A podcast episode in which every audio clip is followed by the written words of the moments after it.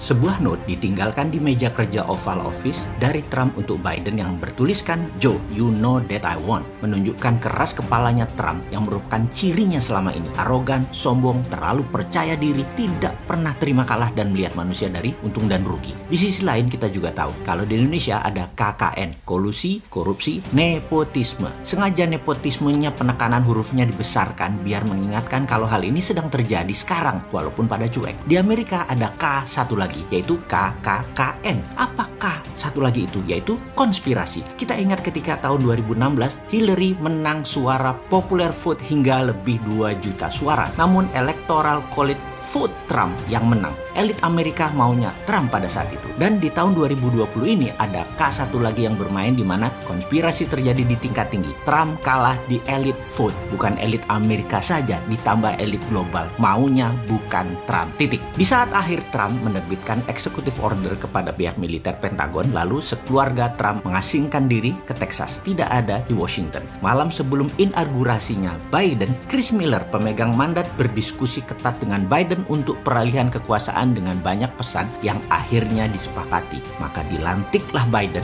dengan damai. Ada beberapa persyaratan militer dengan Super Semar Insurrection Act-nya sebagai bahan negosiasi yang disetujui, yaitu anggaran militer 4 tahun ke depan 3 triliun dolar atau 3.000 bilion dolar. Tetap perang dengan Tiongkok dalam superpower competition. Trump tidak ada tuntutan hukum dan pengembalian semua bisnis Trump yang dijegal banyak pemerintah daerah. Semua akhirnya ketemu komprominya dan tidak ada dar der dor. Lalu kita tahu Partai Demokrat yang pro aborsi, pro LGBT, pro transgender, pro imigran membongkar semua proteksi Trump yang anti imigrasi, anti minoritas nakal, anti Tiongkok, anti LGBT dan sangat white supremacy menjadi multicolor. Sekarang Amerika kembali ke masa bebas, sangat berwarna seperti masa hippies, hang loose, semua ini seru memang bernegara mereka itu. Amerika punya dua sistem gaya pemerintahan namun tetap satu tujuan, world domination. Demokrat lebih mirip sosialis, Republikan mirip kapitalis, namun tetap liberal. Sosialisnya bebas, liberal, kapitalisnya liberal. Lambang patungnya saja sudah liberty.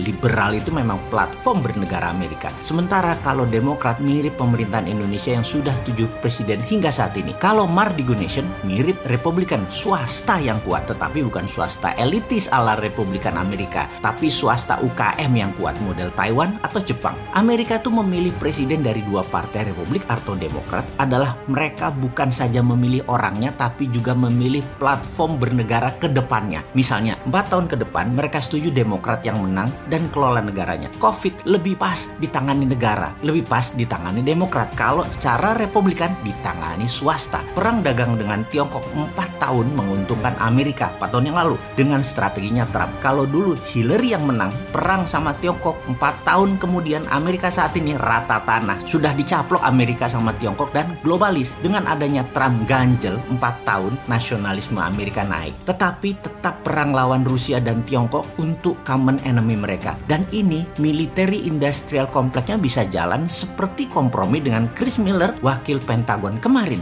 Urusan luar negeri CIA, CIA bukan Pentagon. Ini lain lagi strateginya. Siapa saja presidennya, operasi CIA lebih jalan di luar negeri kalau Demokrat berkuasa. Demokrat selalu pakai CIA alias perang shadow. Kalau Republik perangnya bedil-bedilan. Mau zaman FDR, Lincoln, Bush, Reagan, bedil yang keluarnya. Tapi penyebab perangnya semua partai Demokrat. Jadi Republikan negaranya pasti jadi kaya karena ekonominya tumbuh. Demokrat buang-buang uang yang dibuat partai Republik itu biasa, itu sejarah lama Amerika. Namun ada juga di zaman Demokrat ekonominya membaik yaitu zaman Clinton. Bikin uangnya bagus. Zaman Obama belangsak Demokrat. Namun zaman Clinton, ASEAN Indonesia disikat hitman sampai lepas Timur Timur dan rupiah terjun bebas dari 2.500 ke 14.000. Sampai sekarang rupiah belum pernah kuat lagi. Jadi Mardigo Nation ini antitesa tujuh bentuk pemerintahan Indonesia sebelumnya. Tujuh pemerintahan sebelumnya mirip Partai Demokrat Amerika, sosialis, liberal. Suatu hari Indonesia akan punya platform penyeimbang. Swasta, bottom of pyramid, aliran politiknya patriotik nasionalis, aliran ekonominya kapitalis wong cilik. Wong cilik pegang kapital, ekonomi penguasa pasar. Masa kita milih presiden namun siapa aja presidennya platformnya sama, ikut IMF lah, BUMN sebagai agen perubahan lah, itu kuno. Ganti ke depannya. Dengan bergantian,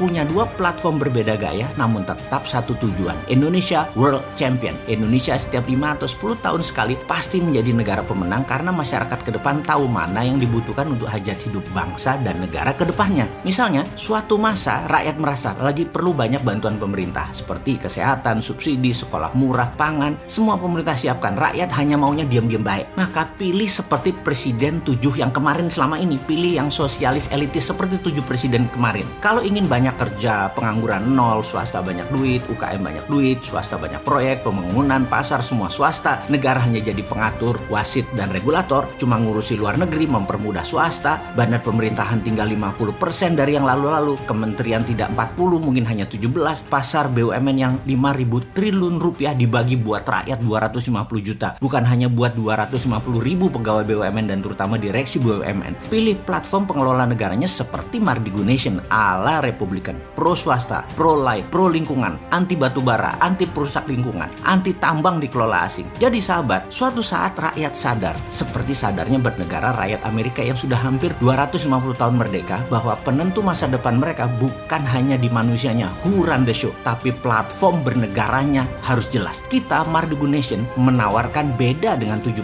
presiden yang lalu. Untuk anak muda new mind, pilih masa depan mereka ke depan. Perlu yang seperti apa?